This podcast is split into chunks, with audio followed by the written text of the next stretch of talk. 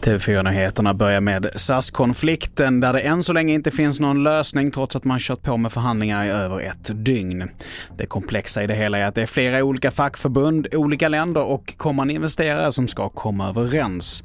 Och en viktig punkt under morgonen har varit strejkrätten. Enligt uppgift ska det dock gå långsamt framåt.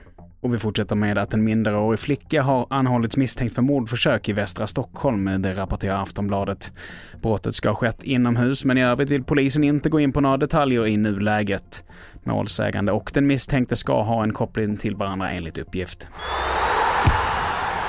Och till sist, ikväll så spelar Sverige sin sista och avgörande gruppspelsmatch mot Portugal i EM. Ja, men matchdagarna så är det, vi kommer att ha en, eh, en samling här om ett litet tag och eh, gå igenom de sista förutsättningarna, framförallt fasta situationer.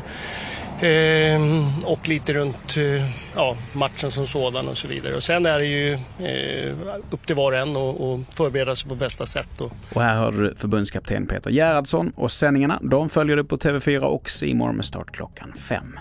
Fler nyheter hittar du på tv4.se. Jag heter Mattias Nordgren.